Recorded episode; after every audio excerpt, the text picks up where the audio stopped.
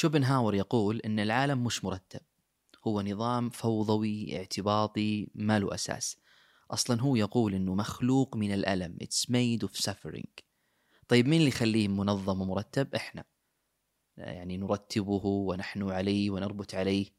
لكن يزعم هو حتى في ترتيبنا له هذا ومراعاتنا له هو ليس مرتبا. يظل كذلك فوضوي لأنه في اساسه فوضوي. فكيف ترتب حاجة مو مرتبة أصلا؟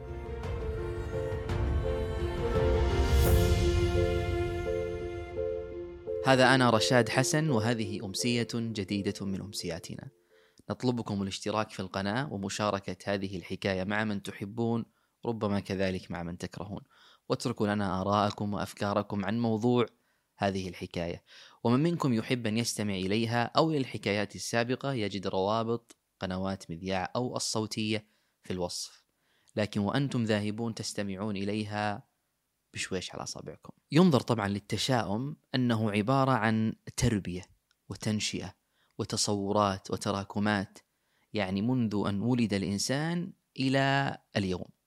كل مسيرة هذه التي عاشها ومواقفه هي التي تشكل له نظرته إلى الحياة. فبالتالي التشاؤم هو مش مبدأ نتخذه وننتهجه في حياتنا وإنما هو عبارة عن موقف أصلا عن نظرة معينة. يعني ما أحد يقدر يقول والله أنا فلسفتي في الحياة التشاؤم ولا مبدئي في الحياة التشاؤم. هو مختلف عن, عن, عن, عن هذه الفكرة. وإنما هو شيء يتصور لك بتجاربك وخبراتك في الحياة، يعني مثلا حتى تتضح لك الصورة بسبب كثرة مواقفك وتجاربك اللي مريت فيها في حياتك صرت إنسان متشائم، وهنا ترى ممكن نعرف من هو المتشائم. المتشائم كما يقولون حتى في مذهب الأدب هو كل إنسان يتوهم الأسوأ.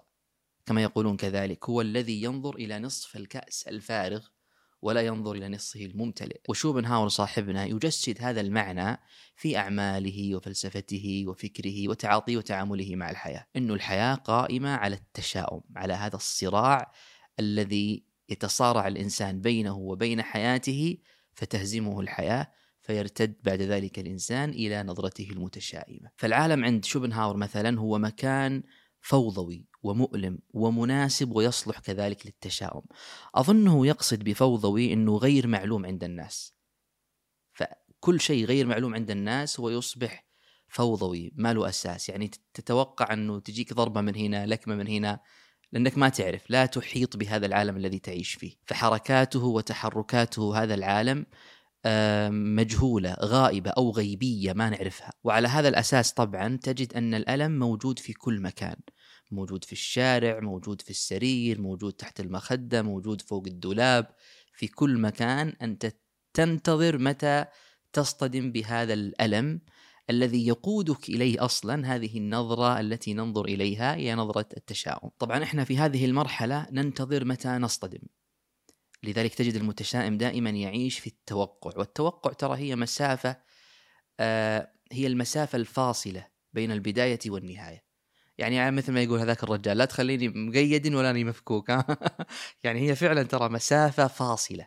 لا نستطيع يعني المتشائم هذا لا يعرف هل هو يصل وصل إلى النهاية ولا هو ما زال تو يعني قطع هذا الشوط. فبالتالي تجد كل هذه الأنظمة والقوانين والأخلاق والمبادئ والشروط التي نضعها لتنظيم الحياة ما هي إلا محاولة أصلا لتنظيم هذه الحياة فنعود إلى فكرة أن الحياة في أصلها أو في أساسها فوضوية فحتى عند شوبنهاور مثلا إنه هذه الأنظمة والقواعد والقوانين هي في أساسها فوضوية لأنها قائمة على شيء فوضوي. طيب ماذا تجلب لنا هذه الفوضى؟ تجلب لنا الحزن، الكآبة، الألم والتشاؤم. لأنه مش مضبوطة وليست منتظمة وكل شيء ليس مضبوطا ولا منتظما يقود إلى التشاؤم. فهو يدعي إنه الحاجة الوحيدة المنتظمة والمضبوطة في هذه الحياة أو الجيدة حتى في لسان قوله الجيدة هي هذه الفوضى. والعالم في هذه الفوضى مش مفهوم. فمهما بذلت من سبيل لفهم الواقع ستجد أن الواقع متغير متكهرب مضطرب فبالتالي سيخالف هذا التوقع الذي تتوقعه عنه. وسبحان الله لو نظرت في واقع أحوالك وتجاربك ومواقفك لوجدت أنه فعلا متغيرة متقلبة تتوقع شيء عن حالك فتجد إنه حالك نفسه تغير فخالف هذا التوقع الذي توقعته عنك. فبالتالي سيعود كل شيء إلى أصله إلى أساسه. سيعود هذا الواقع هذا العالم الذي تعيش فيه إلى أصله. ستعود أنت نفسك كذلك إلى واقعها إلى أساسها. الذي يدعي هو طبعا أنها هذه الفوضى. وبنرجع طبعا لنفس الدائرة أيضا عشان إحنا ما نستطيع أن نفهم الواقع ولا نستطيع كذلك أن نفهم أنفسنا فبالتالي كل شيء سيقودنا إلى الحزن الكآبة الألم والتشاؤم. يا أخي تصدق أني أحيانا أنظر في تفاصيل أيام الناس العادية والتافهة والروتينية هذه. يعني هل في أصلها مضبوطة ومنتظمة ولا فوضوية ورتيبة؟ خذ مثالا أنت مثلا لما تدخل غرفتك الصغيرة ترى غرفتك الصغيرة هي مثال عن هذا الواقع والعالم الكبير كذلك. هل أنت لما تعود إلى هذا العالم الصغير هل أنت منظم منتظم آه كذا مزكرت ولا لا فوضوي وعبثي و... وتحتاج كذا أنه لك جو خاص فيك هذا الجو الخاص فيك لا تريد حتى أن ينظر إليه الناس لأنه غير مرتب غير مهذب. وهذا المثال ترى يصلح أن نسقطه على أي إبداع على أي فن. تجد انه الإنسان دائما في كينونته الصغيرة في عالمه الصغير هذا هو في شيء من هذه الفوضوية. وهذه الفوضوية أحيانا تنتج ترى إبداع مو بالضرورة تنتج تشاؤم ولو إن حتى نظرة التشاؤم هذا قد تجعله ينتج الفن أصلا. مبنيا هذا الفن على هذا التشاؤم. لكن قبل ذلك تجد فيه نوع من هذه الفوضى. خذ مثالا مثلا للكاتب الأديب الشاعر الفنان أي أحد آه، ينتج أو, أو يأتي بهذا الفن.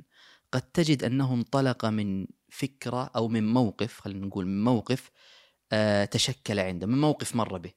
هذا الموقف الذي مر به شكل عنده هذا الإبداع الذي أنتجه وقد يكون هذا الإبداع مبني على نظرته المتشائمة من موقفه ذاك، يعني قد يكتب لك الكاتب أو الشاعر أو الروائي مثلا رواية مبنية على تجربة سقيمة كئيبة آه، متشائمة عاشها، فتجد أن هذه الرواية مثلا هي مثال عن تشاؤمه المنطقي، يعني في لسان حاله وواقعه آه، مر بموقف فطبيعي اني اصير متشائم ولا أحد يستطيع أن يلومني حتى على هذا التشاؤم.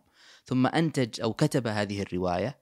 ثم بعد ذلك لما تقرأها أنت تنبسط وتستانس وتعجبك لأنه والله في بينكم هذا القاسم المشترك من التشاؤم. الإشكال والخطورة وين تقع؟ أظنها تقع إذا سادت هذه النظرة نظرة التشاؤم هذا. عند الفنان المبدع أي إنسان على وجه الأرض فتجد أنه ينظر إلى السعادة على أنها عرض واستثناء ويظل في هذه اللحظة يحلم بالمستقبل الوردي الزهري النابض بالحياة. وهذا الحلم الذي يعيشه هو دليل على تشاؤمه على تشاؤمه من هذا الواقع وعدم رضاه منه. ولعل من أبرز المفاهيم التي تشرح هذا وجاءت إلينا هو مفهوم التشاؤمية الكونية أي صراع الإنسان مع الكون مع واقعه الذي يعيشه. ما في تناغم ما في انسجام. وإحنا نعرف في الأخير أن هذا الكون هذا الواقع هو أقوى منا. والكون والواقع ينظر إلينا على أننا أعداء يريد أن يتخلص منا. فكيف يتخلص منا؟ يتخلص منا بأنه يخالف توقعاتنا. آه يعني ننوي شيء ونذهب إليه ثم نجد هذا الشيء مختلف عما تصورناه. وهذا جزء من هذا الصراع الذي نعيشه مع هذا الواقع مع الكون. عندنا مثلا هاتمان، شوبنهاور، بعض مسرحيات شكسبير، جونسون، فولتير مثلا، كثير من أعمال هؤلاء تشرح لك هذا الصراع الذي يعيشه الإنسان بين الإنسان وواقعه، بين الإنسان والكون، بين الإنسان وتوقعاته التي يتوقعها ويحلم بها ثم إذا ذهب إليها وأراد أن يتحقق ويكتشفها يجد أنها مخالفة لما كان يحلم به. طيب خلينا نقلب الطاولة وننظر من عدسة مختلفة بعض الشيء عن التشاؤم. قد نجد أنه مفيد وأمر صحي مثل ما يقولوا ويحصنك ويجعلك مستسلما للتوقعات. يعني أليس سوء الظن الصائب؟ حسن ظن في محله. ويليام جيمس يقول أن السعادة هي توقعات الناس التي تحدث لهم. يعني كيف أنت تصير إنسان سعيد؟ إذا توقعت أمر وحدث لك هذا الأمر. تصبح بالتالي إنسان سعيد. فعشان يرضى الواحد أو يصبح سعيد وش يسوي؟ عنده حلين. الحل الأول أن يغير توقعه تجاه كثير من أموره يعني حتى يعني لا يتفاجأ وينصدم بها. الحل الثاني أن يغير هذا الواقع الذي يعيشه.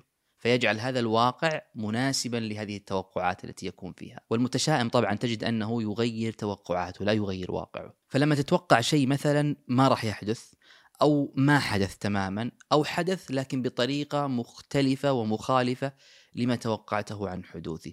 أظنها محفزة ودافع قوي جدا أنه تغير كثير من توقعاتك الثانية. يعني بعض الناس ترى ما يعرف يتوقع يكبر لقمة التوقعات مرة ثم يغص بها ثم بعد ذلك ينقلب على وجهه خسر الدنيا والآخرة. فكرة تلوين التوقعات ترى من الأفكار العظيمة والرائعة جدا. فكرة التلوين أصلا لها علاقة بمصارعة التشاؤم. كل شيء اليوم صار فيه ألوان ما عاد فيه أبيض أو أسود خاصة في عالم التقنية. كل يوم نسمع بلون جديد تأتي إلينا التقنية بلون جديد وهذه الألوان هي محاولة لتغيير أصل التشاؤم في أعين الناس. فصار الرمادي أو الأبيض والأسود لون قديم كئيب حزين ويبعث على التشاؤم. فإيش إحنا محتاجين اليوم؟ محتاجين أن نلون أيامنا بأي لون؟ حتى نهرب ولو مجازا من فكرة الأبيض أو الأسود أو الرمادي. فلونوا توقعاتكم تتلون أيامكم.